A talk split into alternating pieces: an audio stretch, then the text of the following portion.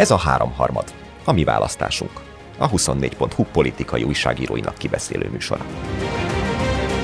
Mi lehet az ellenzék válasza arra, hogy mi legyen az olajembargóval? Mit, mit fognak ők erre mondani? Ez kétségtelen, igen. Tehát ugyanaz a helyzet, ami a háborúnál előállt, uh-huh. hogy van a magyar érdek, mit Orbán Viktor véd, meg van egy nemzetközi érdek, tehát ők vagy azt tudják mondani, hogy Orbán Viktornak igaza van, nem szabad elzárni az orosz olajvezet, barátság, kőolajvezetéket, mert akkor nem fog működni a magyar gazdaság, és Orbán Viktornak igaza van, vagy azt fogják mondani, hogy el kell zárni, de akkor és akkor, ugyan, és akkor ugyanazt fogják hallgatni, amit a háborúval kapcsolatban. Tehát őszintén szólva én most a jelenlegi helyzetben azt látom, hogy az ellenzék hát nem is bölcsen, de szerencsésen teszi, hogyha még ki is marad a világ nagy kérdéseiből, mert egyszerűen nincsen rá válasza.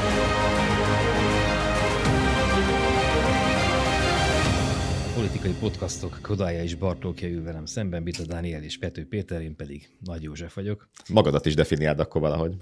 Lehár Ferenc, vagy valami legyél azért.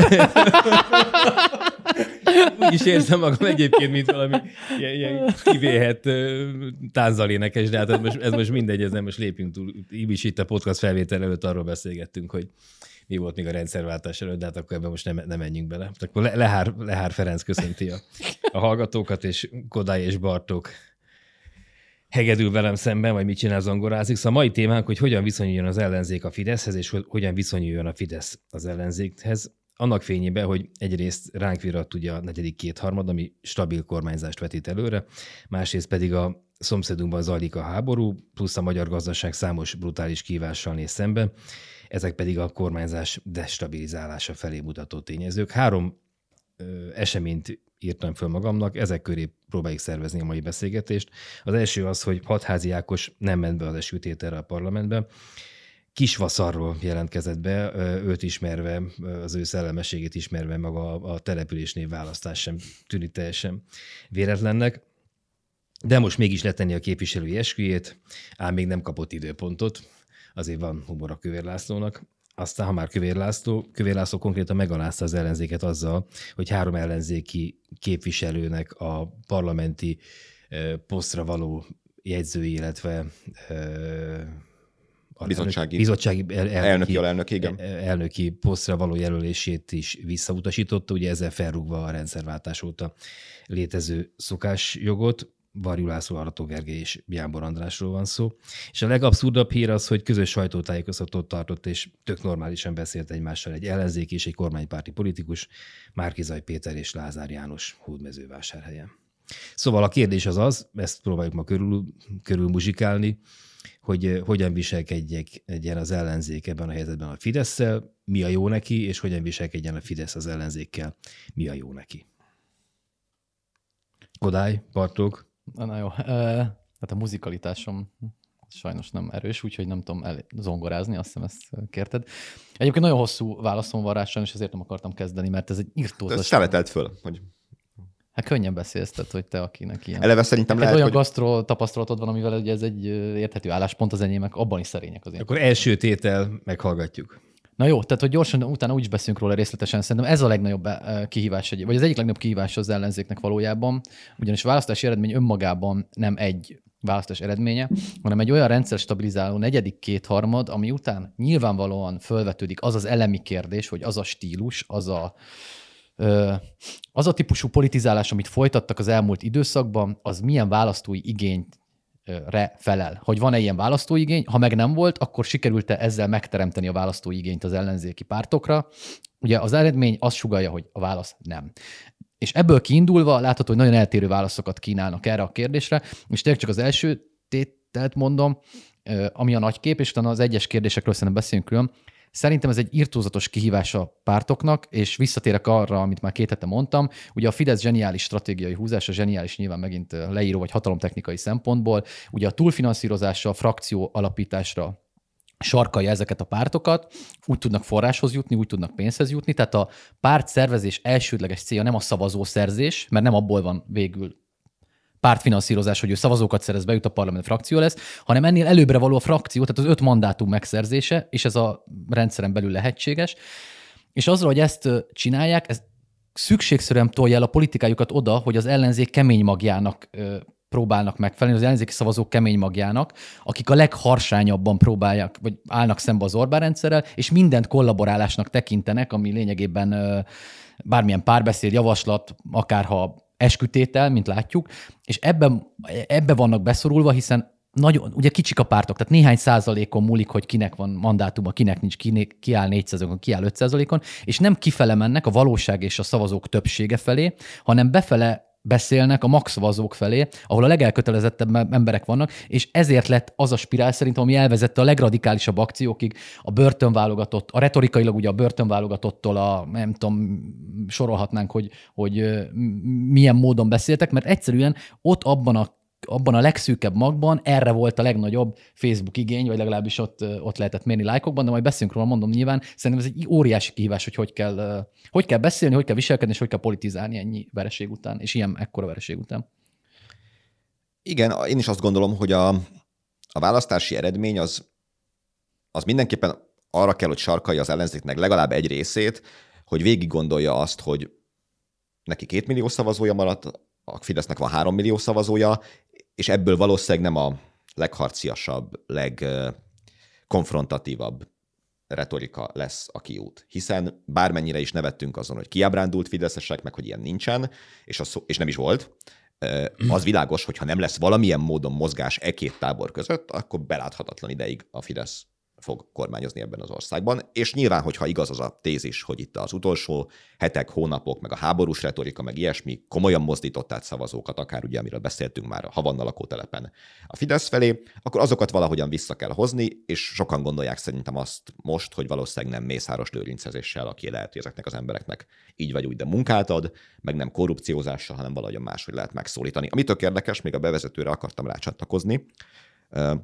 Ugye három képviselőt mondtál, mint ahogy annyiról írtunk, de ugye időközben kiderült, hogy sokkal több van, és ez nagyon jól jelzi azt, hogy egy olyan témából, amiből az ellenzék négy éve vagy nyolc éve polgárháborús retorikával csinált volna egy konfliktust, most nem nyilatkoznak. Ugye a Spirk Jóska írta nálunk a cikket, olyat, hogy a DK nem mondja el, hogy ők nem kaptak meg bizonyos pozíciókat, és napokig hiába üldözzük őket, az elképzelhetetlen lett volna. Eleve DK, hát amikor nekik három meg öt képviselőjük volt, ők voltak a legharsányabbak az ügyben, hogy nem kell bemenni a parlamentbe, ki kell vonulni, élőláncot kell alkotni, bolykottálni kell. Most nekik van a legnagyobb frakciójuk, most Miért? elfogadják a, hát ez az üléspont, álláspont nyilván, tehát amikor te vagy a legnagyobb a frakció, neked jár a legtöbb pénz, neked jár a legtöbb pozíció, akkor nyilván másképpen gondolkozol erről, de ami szerintem érdekes, hogy nem csinálnak abból, hát nem tudom, politikai vagy presztis kérdést, hogy Varjú László nem lehet bizottsági elnök, hogy azért nem lehet Arató Gergely az országgyűlési edzője, mert korábban azt mondta, hogy kukába kell dobni a,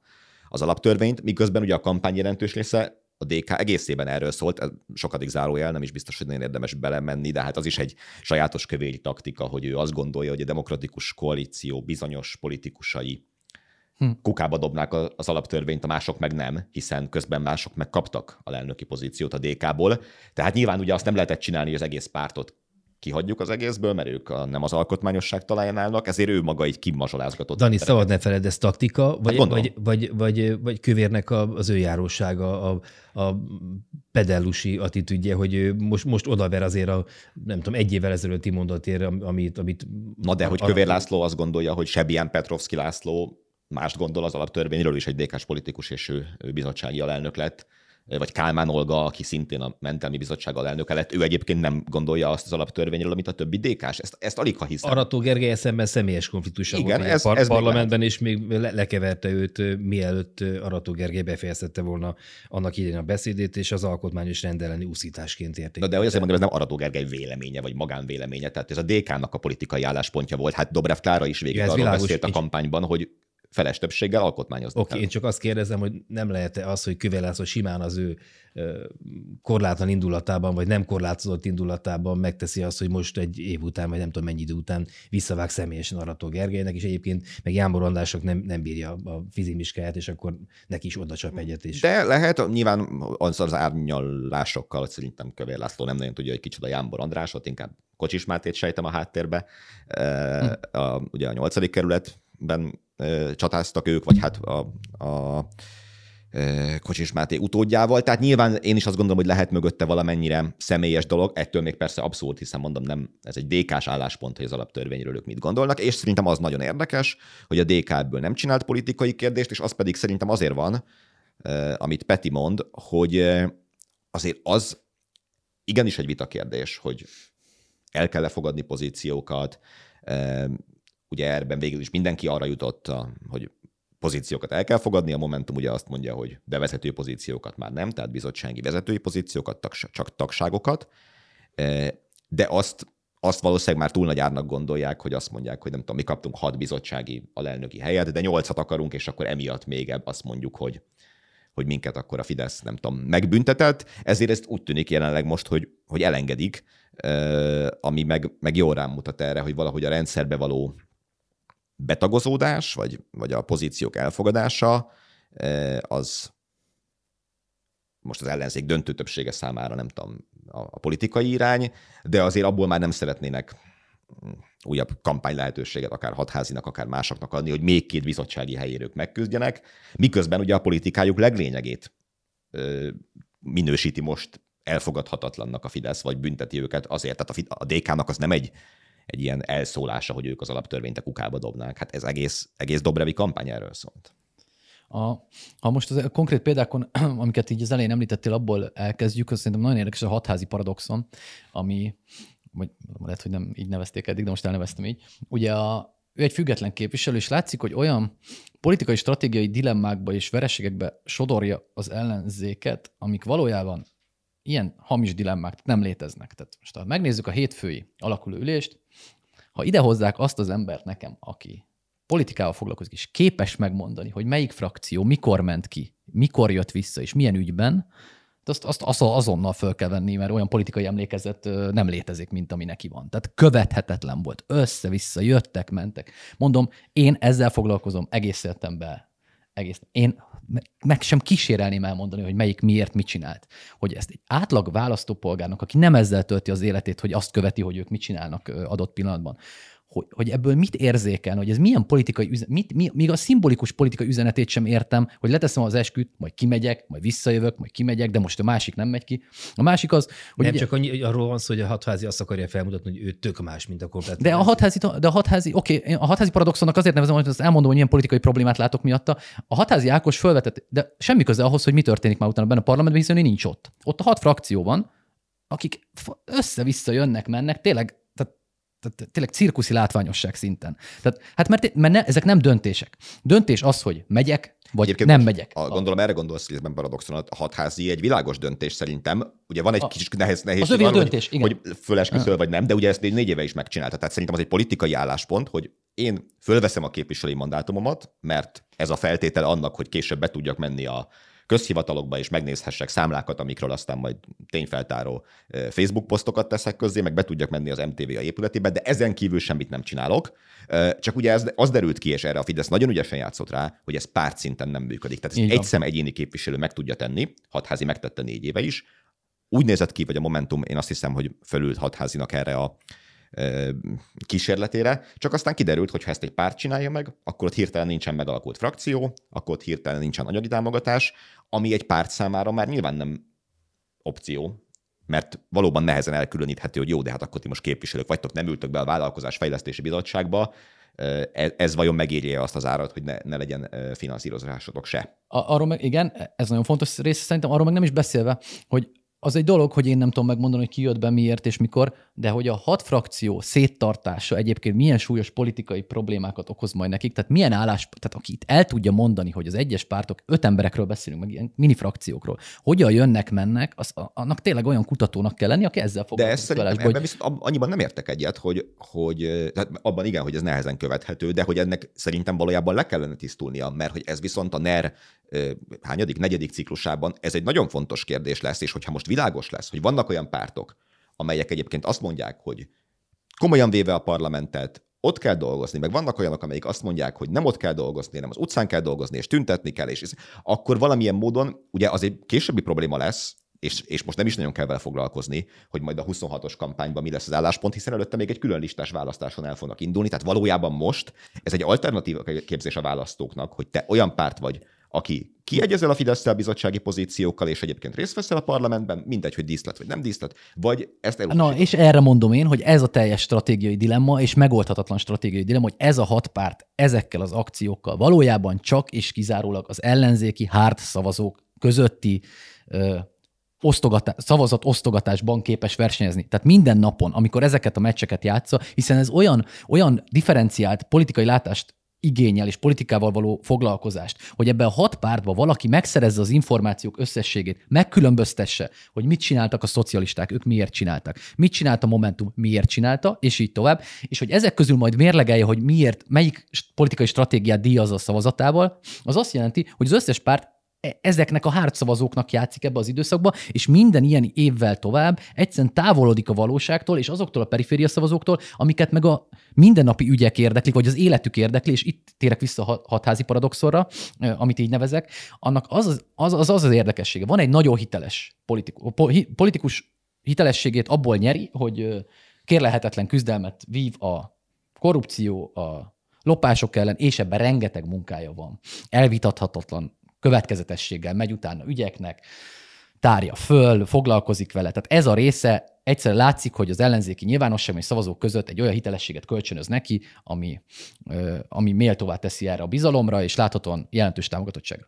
Hatházi Ákos politikai stratégilag az égvilágon semmit nem lát. Tehát az világos. Tehát ő, mint a tehát a politika egészéből nem érzékeli láthatóan azt, hogy hogyan lehet választói közöket megér, megmozgatni, milyen politikai problémák azok, amik a széles ö, nyilvánosságot mozgatják, és ebből adódik a paradoxon, hogy az ő hitelességét, ami egyébként releváns, valós és meg, meg, meg, megdolgozott, azt ő valójában nem arra használja, amiben ő megnyerte ezt a hitelességet, tehát nem elsősorban ennek a munkának a folytatására és föltárására, hanem olyan stratégiai dilemmák előállítására, amik valójában nem léteznek. Tehát most ő ugye azért szólít föl, a, főleg mondjuk a, erre a utcai politizálásra, vagy nem tudom, parlamenten kívüli politizálásra, és azt mondja, a korrupció elleni harc, és a mondjuk a közmédia változtatás, amiben egyébként megint igaza van egyébként. Tehát a közmédia a legvisszataszítóbb részlege azt hiszem ennek a magyar nyilvánosságnak az, hogy az az egyetlen hely ebbe az országban, ahol még a választás eredményét se kell érvényesíteni, tehát még a parlamenti tisztségeknél is érvényesítik a kétharmad, egyharmad arányt. A köztévé az egyetlen hely a világon, mint a, a többi köztévében nem kell érvényesíteni a magyar választás eredményét, de hogy a Magyarországon, ahol, ahol semmibe veszik, tényleg, tehát az tényleg egy megalázó helyzet, és abban igazol a hatházinak, hogy ez egy olyan objektív akadálya az ellenzéki munkának, amit nehéz megoldani. Na de könyörgöm, nem itt vannak, tehát a ellenzék szavazatszerző képességének nem itt vannak a korlátai. A korlátai ott vannak, hogy alkotmány, korrupció, ezek oktatási minisztérium, ezek voltak a kampány fő témái. Nem tudnak olyan szavazókat hoz, és, és hatházi itt tartaná ezt a problémakört, hiszen láthatóan továbbra is a korrupció határozza meg a, a, a, a mondásait, illetve az, hogy azt mondja, hogy egyébként sem lehet nyerni ebben a választási rendszerben, mert a közmédia és így tovább. Ezzel megint ott tartja abban a keretben a ellenzéki beszédet, amivel láthatóan nem tudtak előre menni, hiszen az elmúlt négy évben nem maradt semmi más a retorikából, mint a korrupció és a ezzel kapcsolatos ügyek, amit láthatóan ez nem elégséges arra, hogy választói támogatást szerezzenek. Tehát hatházi nem líder akar lenni, nem, nem ő a rendszeralkotó elme, hatházi hatházi akar lenni, és ugye tán Danira hadd csatlakozzak, hogy pont arról szólhattán ez a, az európai parlamenti választásig hátralévő időszak, hogy valóban megképződjenek a különböző alternatívák, ott majd mindenki szépen külön-külön indul, az európai parlamenti választás megméri majd, hogy az ellenzéknek a tagjai egyenként mennyit érnek, és akkor onnantól kezd, kezdődik tán, gondolnám én, a józan paraszt észre, egy... akkor kezdődik majd egy, egy rendszeralkotás, vagy, vagy valami hasonló. Igen, szerintem azok a dilemmák, amiket a Peti mond, azok abszolút valóságosak. Tehát ebből nyilvánvalóan nem lesz több szavazat. Csak én is azt gondolom, hogy ez valamilyen szinten a nulladik lépés lesz, mert hogyha fönn fog maradni ez a nem is hat, hanem mostantól már hét párt, ugye ne felejtsük el, hogy már Zaj meg sem alakult pártját, a harmadik legnagyobb ellenzéki pártnak mérik már. Ugye ne lepődjünk meg azért, hogyha hatházi abba az irányba fog majd működni. Ez a Márki Zaj körül létrejövő párt, ez nem lesz ott a parlamentben. Ez nyilván el fogja tudni mondani azt, hogy egyébként ennek látszat ellenzéki politizálásnak nincsen értelme, aztán majd mindjárt beszélgetünk nyilván a Márki Zaj Lázár találkozóra, és az meg egy picit ugye más megvilágításba helyezi ezt, és inkább mintha azt mutatná, hogy közben meg ő az, aki leginkább a, a normalizálás felé próbál működni, és mondjuk nehéz elképzelni egy Lázár már kizaj találkozó után egy Rogán hatházi találkozót is.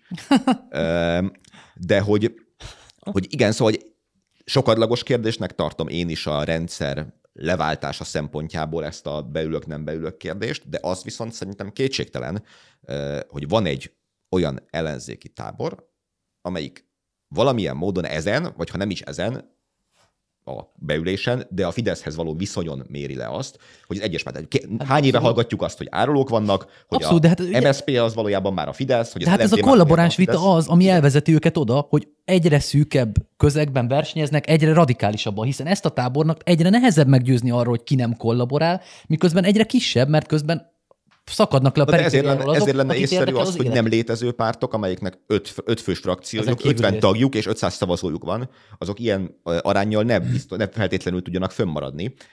És persze, amit mondasz, hogy a frakciófinanszírozás miatt ezek egyébként láthatók lesznek, de azt nyilván a, a nem 5, hanem 10 százalékos, vagy nem 1, hanem 10 százalékos pártok is egy ponton föl fogják tenni azt a kérdést, hogy a saját kárukra egyébként miért tartanak életbe politikai szervezeteket. Tehát ennek a, ért, azon most elkezdeni gondolkodni, nyilván időszerű, meg fontos lenne, hogy hogyan lesz 2026-ban leváltva a Fidesz, de olyan távolinak és egyelőre hát nehezen kivitelezhetőnek látszik ez, hogy valamilyen módon az ellenzéken belüli erőviszonyok tisztázása, az szerintem nem baj, még akkor sem, hogyha egyébként valóban ma nehéz definiálni, hogy ki kicsoda, de hogy miért van a hat párt, hét pártból két zöld párt, vagy ilyesmi, az Abszolút, de erre mondom, hogy akik a, a szavazóknak van egy része, akit az életük az előbb elharadt, ezen kívüli részén egyszer már egyre több téma foglalkoztat, miközben egyre szűkül be ez a beszéd, hiszen szükségszerűen akörül fog forogni ez a retorika, hogy mi a Fideszhez való viszony valóban.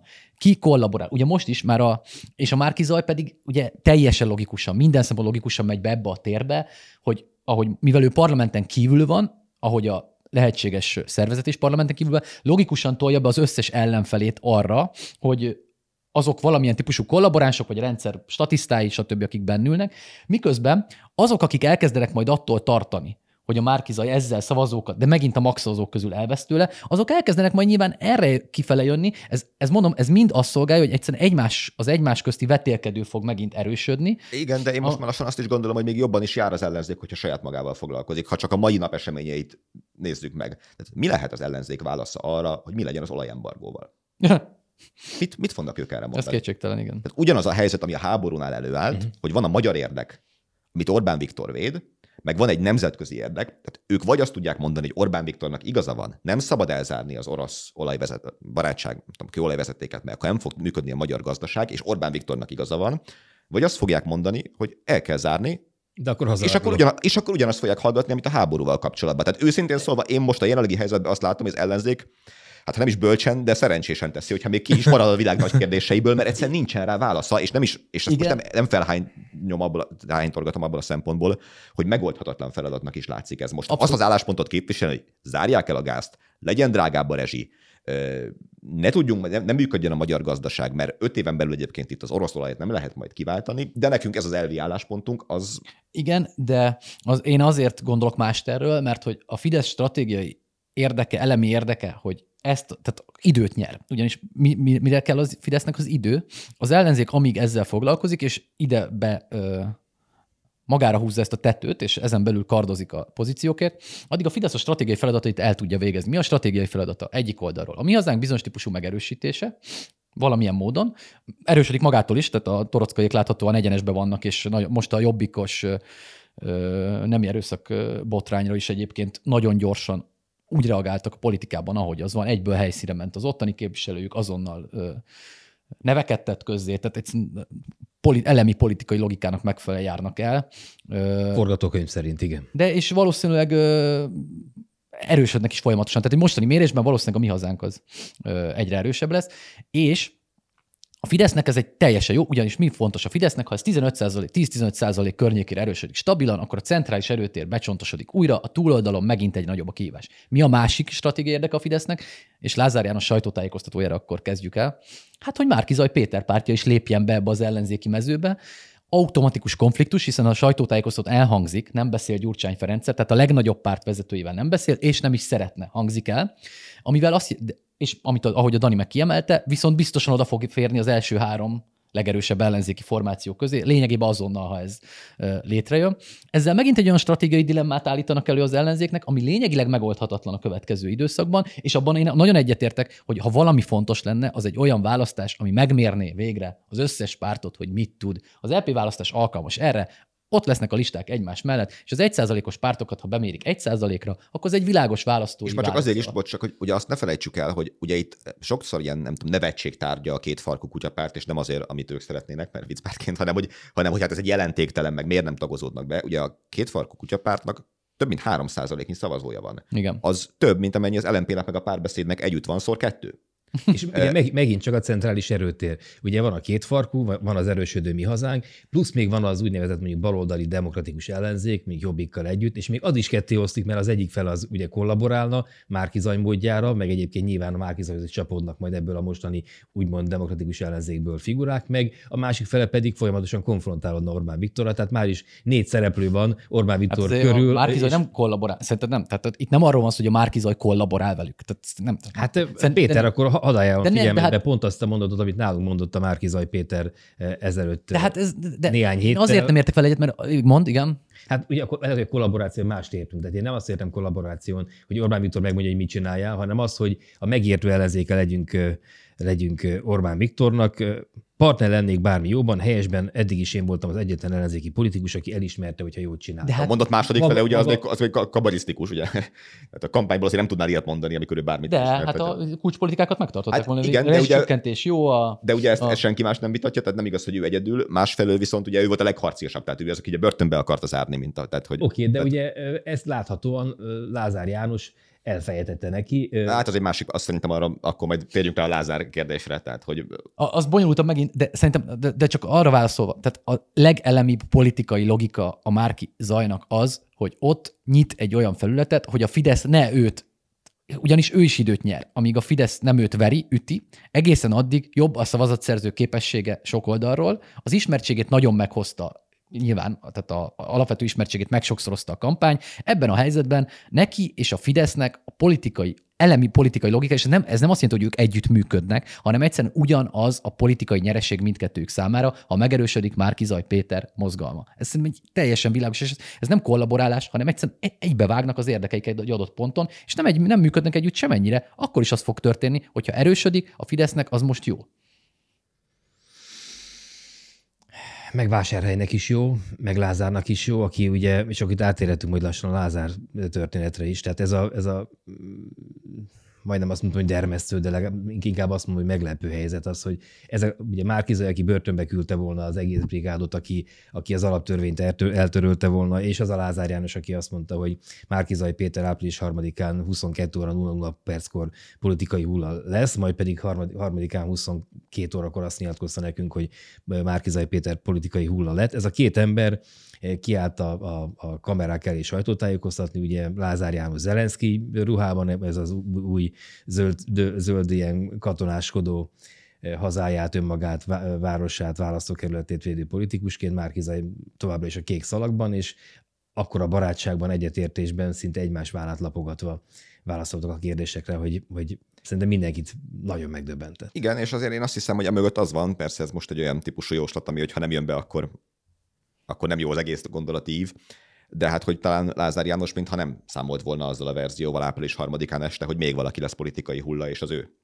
Ugye ő arról beszélt, hogy soha nem látott legitimációja az, az a neki és a magyar parlamentben valaki legyőzte az ellenzék. Annál erősebb pozíció nincs a parlamentben, mint legyőzni az ellenzék miniszterelnök jelöltjét. Én vagyok a győztes, és együtt kell működni, ehhez nagy vonalúságra van szükség, ami nem jellemző a magyar politikában. És ehhez képest, ha most egy mezei képviselő marad, mint ahogy ugye a korábbi hírekkel ellentétben, amik arról szóltak, hogy fontos miniszteriális pozíciót fog betölteni, most inkább arról szólnak, hogy nem fog, noha ambicionálta, akkor pedig szerintem az egy erős jelzés az ő, szem, az ő részéről is, hogy ebben az esetben viszont ő lehet, hogy nem fog már még négy évet eltölteni ebben a backbencher, ugye így hívják az angolban, tehát ez a hátsó padban ülő képviselőként lojálisan, hanem akkor lehet, hogy el fog kezdeni ő is politizálni, és mondjuk megmutatja a Fidesz, nem is a Fidesznek, saját magának azt az arcát, hogy egyébként tulajdonképpen kétharmad birtokában, meg ekkora többség birtokában akár még az ős ellenséggel is szóba lehet állni, és ez nyilván egy nagyon más irány lesz, mint amit a Fidesz képvisel, még akkor is, hogyha egyébként lehet, hogy egy korábbi adásban beszéltünk erről, Orbán Viktornak is van némi ilyen ambíciója, hogy legyen egy párbeszéd képes ellenzék. Ugye a sajtótájékoztatóján a választási győzelem után is arról beszélt, hogy, hát, hogy a kedélyes egyetnemértés irányába szeretné mozdítani. A... Na ez volt a kedélyes egyetnemértés, az a sajtótájékoztató, ez az volt. Sőt, Orbán Viktor hónapokkal korábban arról beszélt, hogy ő nemzeti ellenzéket szeretne. Tehát azokkal egy, igen, hát egy nemzeti ellenzékkel tudna mit kezdeni, ezzel a mostani hazáját léptanyomon eláruló baloldali briganti bagázsal semmiféleképpen. Lázár? Lázár.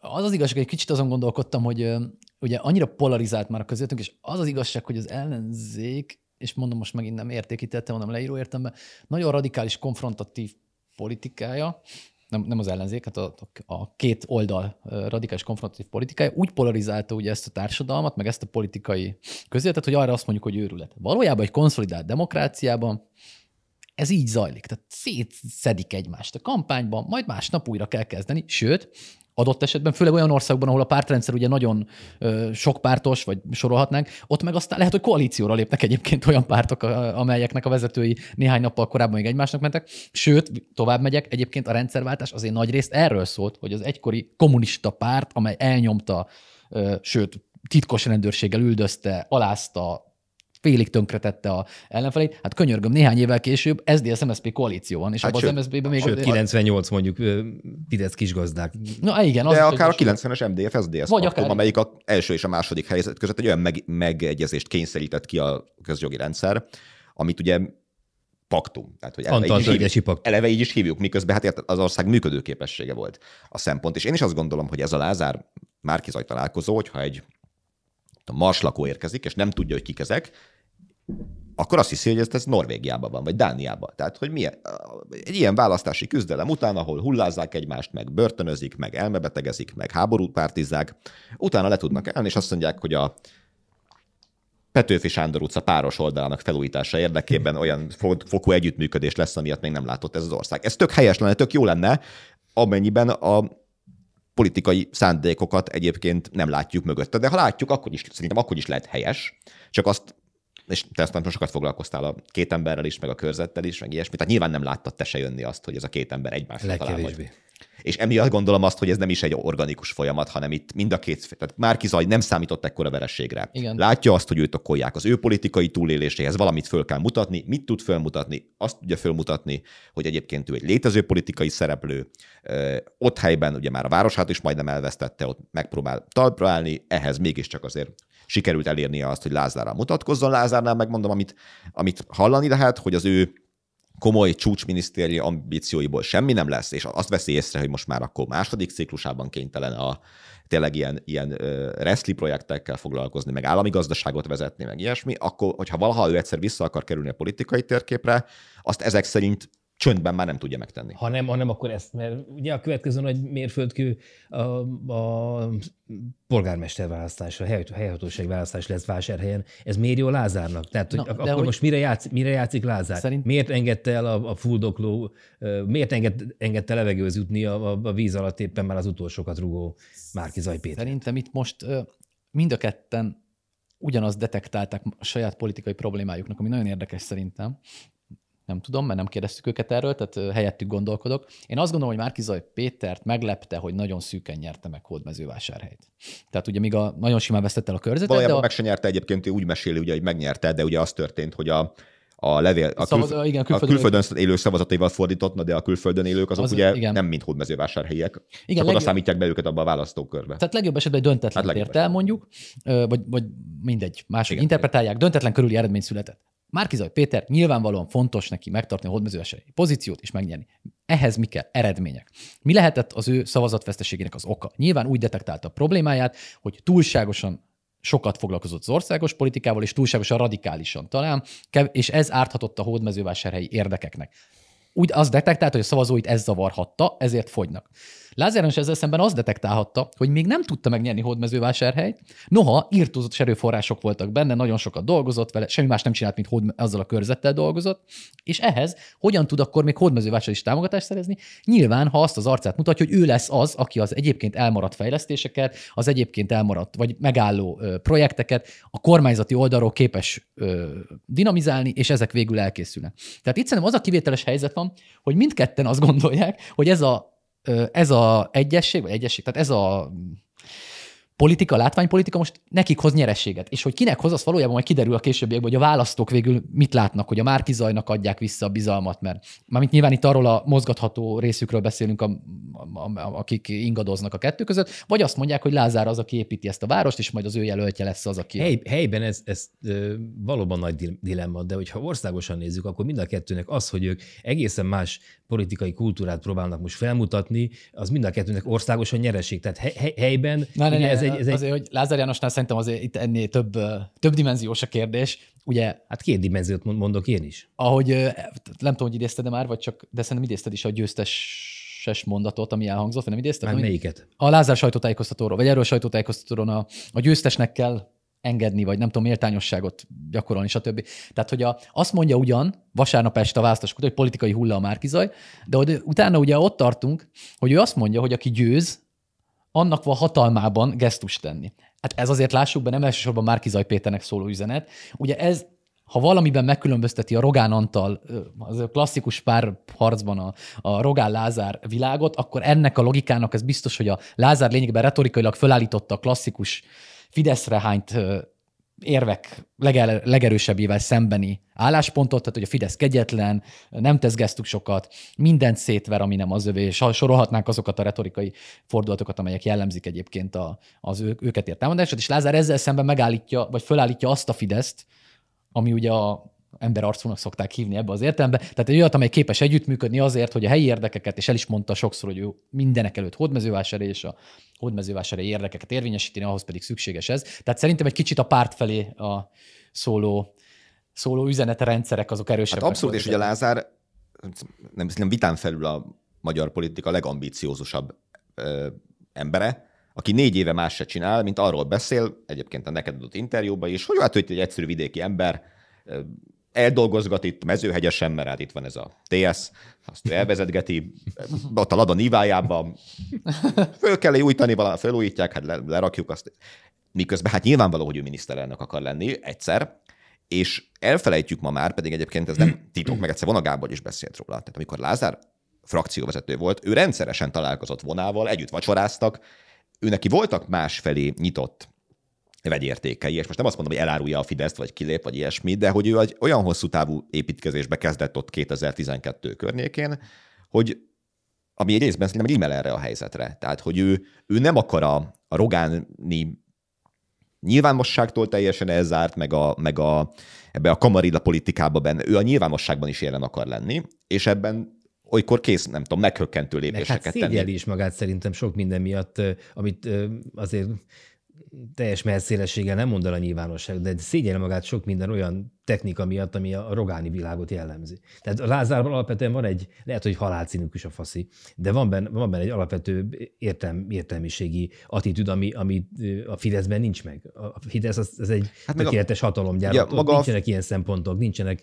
morális szempontok. Most ezzel nem, nem Lázárt akarom felemelni a, hát azért a Teréz Lázár... anya mellé, de, de hogy... Azért a Lázár János a kormányzati szerepe azért nem arról szólt, hogy olyan erős ellensúlyokat képezett ezekkel a módszerekkel szemben, hogy, hogy, hogy szinte annak az áldozata lett. Tehát, hogy ebben az értelemben értem, hogy a nyilatkozataiban tükröződik valami másfajta attitűd, de én nem gondolom, hogy, hogy ez ilyen nagyon súlyos, és a Fidesz jellegi politikájában megvalósítható projekt lenne. Már csak azért is egyébként az nagyon fontos rész szerintem, hogy az igazi problémája ennek az építkezésnek pont az a nyolc év hatalom nélkül. Tehát az egy nagyon súlyos. Igen, de akasz. ez fordítva is így van. Tehát, hogy ha végül nem lesz miniszter, akkor a mögött nyilván az lesz, hogy Orbán is belátta azt, hogy Lázár ma már nem az az ember akar lenni, aki az ő leghűségesebb katonája volt, és elvezette gyakorlatilag az egész kormányzati struktúrát miniszterelnökség, miniszterelnökség vezetőjeként, hanem neki van valamiféle agendája.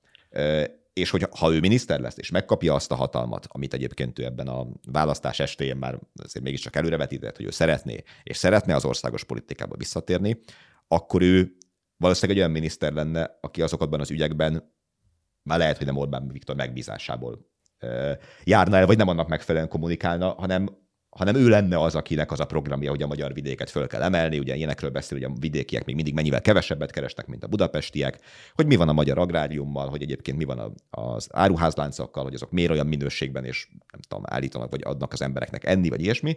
Tehát, hogy, hogy valami egy, egy önálló politikusként próbált volna megjelenni a kormányzati struktúrában, és ugye ha valami nincs az Orbán rezsimekben, akkor ez. Hát egy, igen, egy de nem politikus, is lesz. nem is lesz, persze, csak ezért mondom, innentől kezdve viszont neki kell valamilyen másik ö, alternatívát, vagy nem tudom, politikusi szerepet fölvennie, mert az elmúlt négy év, akkor ebből a szempontból a büntetésben lévő Lázár, a visszavonuló Lázár nem jött be, mert nem kapja meg azt a jutalmat, amit pedig nagyon remélt a Márkizai legyőzése után. Csak hát nem tudom, hogy vannak-e még szerepek. Ugye azért lássuk be, hogy kezdődik a kormányzás, azért ez a Lázár figyelem, ez elmúlik. Tehát, hogy jelenleg ugye azért fog. Ebben vagy abban a szempontból nem vagyok teljesen biztos, hogy ha ő ezt a politikát folytatni fogja, és ez ennyire, Na hát, ha igen, ennyire ha tehát én nagyon- azért mondom, hogy ő az elmúlt négy évben tényleg visszavonult egy Ladaniva hátsó ülésére. Hogyha ezt nem fogja csinálni, és ő jelen akar lenni egyébként a politikában, akkor újságíró érdeklődés azért az látszott. az Frissítette a korábbi mondatát, ugye most azt mondja már, hogy 10 év múlva én még csak 57 éves Hát leszek. igen. ugye korábban is mondott már ilyet Hát 10, igen. 18-ban, amikor ugye levette Orbán őt a, a saktáblára, vagy hát a vásárhelyi kis saktáblára száműzte. Tehát hogy le, lehet, hogy tényleg az van ennek az embernek a fejében,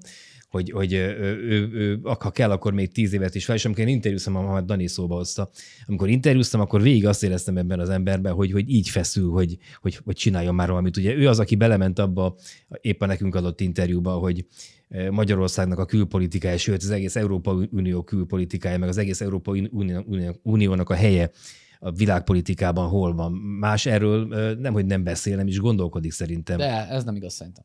Tehát, hogy ez a Fideszben van, aki Hát nem. gondolkodik? Orbán ez, Viktoron ez, kívül? Nem, ez egy olyan jellemző alábecsülése a Fidesznek. Tehát a, a Fidesz tudásanyaga nagyon-nagyon magas színű. Jámbor András egyébként most el is mondta egy interjúban, hogy egyszerűen többet tudnak. Többet olvasnak, az olvasnak úgy értem, hogy több a- apparátus, a- több tudást hoznak be, politikai tudást hoznak be, több gondolkodást hoznak be. Ez, ez szerintem az egyik leg Én a képviselőkről Az beszéltem. egyik legá- a, a tudás becsatornázva, Könyörgöm, a, az apparátus tudása becsatornázva Orbán Viktor alá. Frakciójának a harmadik sorában vannak nagy elméletalkotók. Tehát amikor a Magyar Szocialista Párt ö, több száz fős frakcióval ült, akkor a harmadik sorban nagy elméletalkotók ültek. De más szerepek vannak. Tehát, hogy a, a egyszer más logikák, nem, nem kell két Igen, bár szerintem ugyanarról beszélt, csak más megközelítésben. Tehát ugye elméletet egy valaki alkot, Orbán Viktor.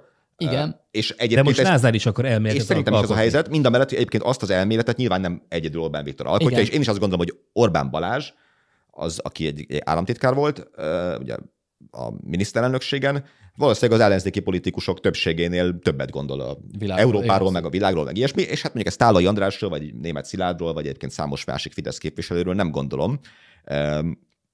Tehát, hogy vannak a, a végrehajtó típusú emberek, Igen. és sokan is ezt, hogy Lázár, nem gondolnám, hogy ő meg akarja most reformálni a világpolitikát, vagy ilyesmi, de hogy legalábbis föntartja magának azt a jogot, hogy egyébként kicsit tovább menve, vagy másképpen fogalmazza meg ugyanazt, és ugye itt azért sok kérdés lesz, tehát miközben most itt ellenzékeztünk, meg ilyesmi, azért ö, ugye azért Orbán Viktor is tulajdonképpen azt mondta a mai rádió interjújában, hogy öt év alatt már le lehet válni.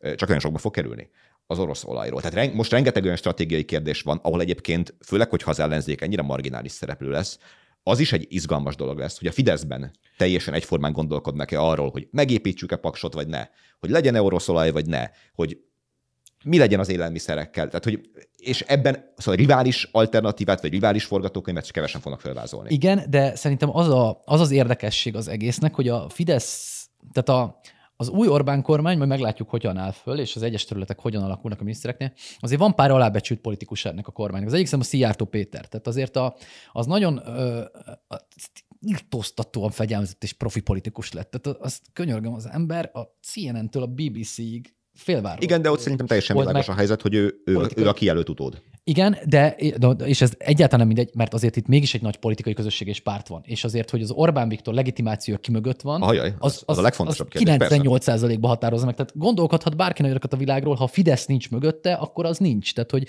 és az világos, hogy a Szijjártó Péter környékén van egy olyan erőtér, amiben láthatóan egy nagyon erős... Én azt régóta gondolom egyébként, hogy a, a Lázárnak pont ez hiányzik. Tehát, hogy őt pont a Fideszben nem szeretik Igen, eléggé, abszolút, igen. ahhoz, hogy ő Orbán Viktor riválisa legyen. Én is azt gondolom, hogy Szijjártó teljesen egyértelműen ki van nézve utódnak, ami lehet, hogy 5 év múlva, lehet, hogy 15 év múlva fog majd beérni, eh, és valóban fölépítették egy nemzetközileg ismert eh, karakteré, és ugye ez egyetlen, akinek érdemi szereplési lehetőség van a magyar nyilvánosságban is, a, tehát hogy azért megnézed, hogy ki hogyan Facebookozik.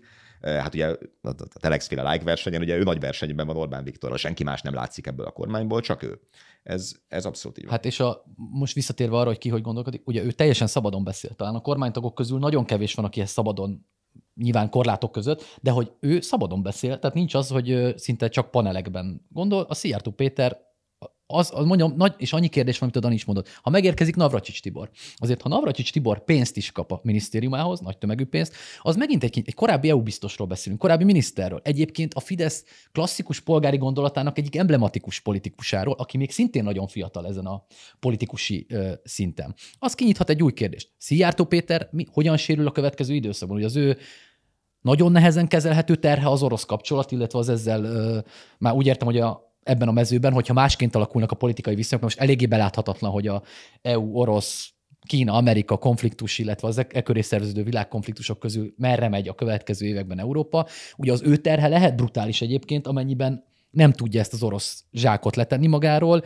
vagy esetleg még mélyebbre sodródik benne, és teljesen másfelé indul a világpolitika. Tehát, hogy nagyon sok kérdés van benne szerintem, de ezek közül minden nagyformátumúnak kinézett, vagy annak tartott, vagy a Fideszen belül nagyon erősnek tartott politikuson kívül közül Lázár János van messze a legrosszabb helyzetben. Ez, ez hát abszolút, hogy a Navracs is nagyon érdekes lesz abból a szempontból, hogy ő tulajdonképpen sokkal távolabb került a Fidesz Igen. Ö, belső világától, mint Lázár, mert Lázár legalábbis tulajdonképpen a minden egyes az elmúlt négy évben ott interjújában ugye hitette Orbán mellett. Tehát mindig elmondta, hogy megállapodtunk, vissza kell nekem szereznem vásárhelyet, de hát rendszeresen egyeztetünk, néha italszik nálam, ilyesmi.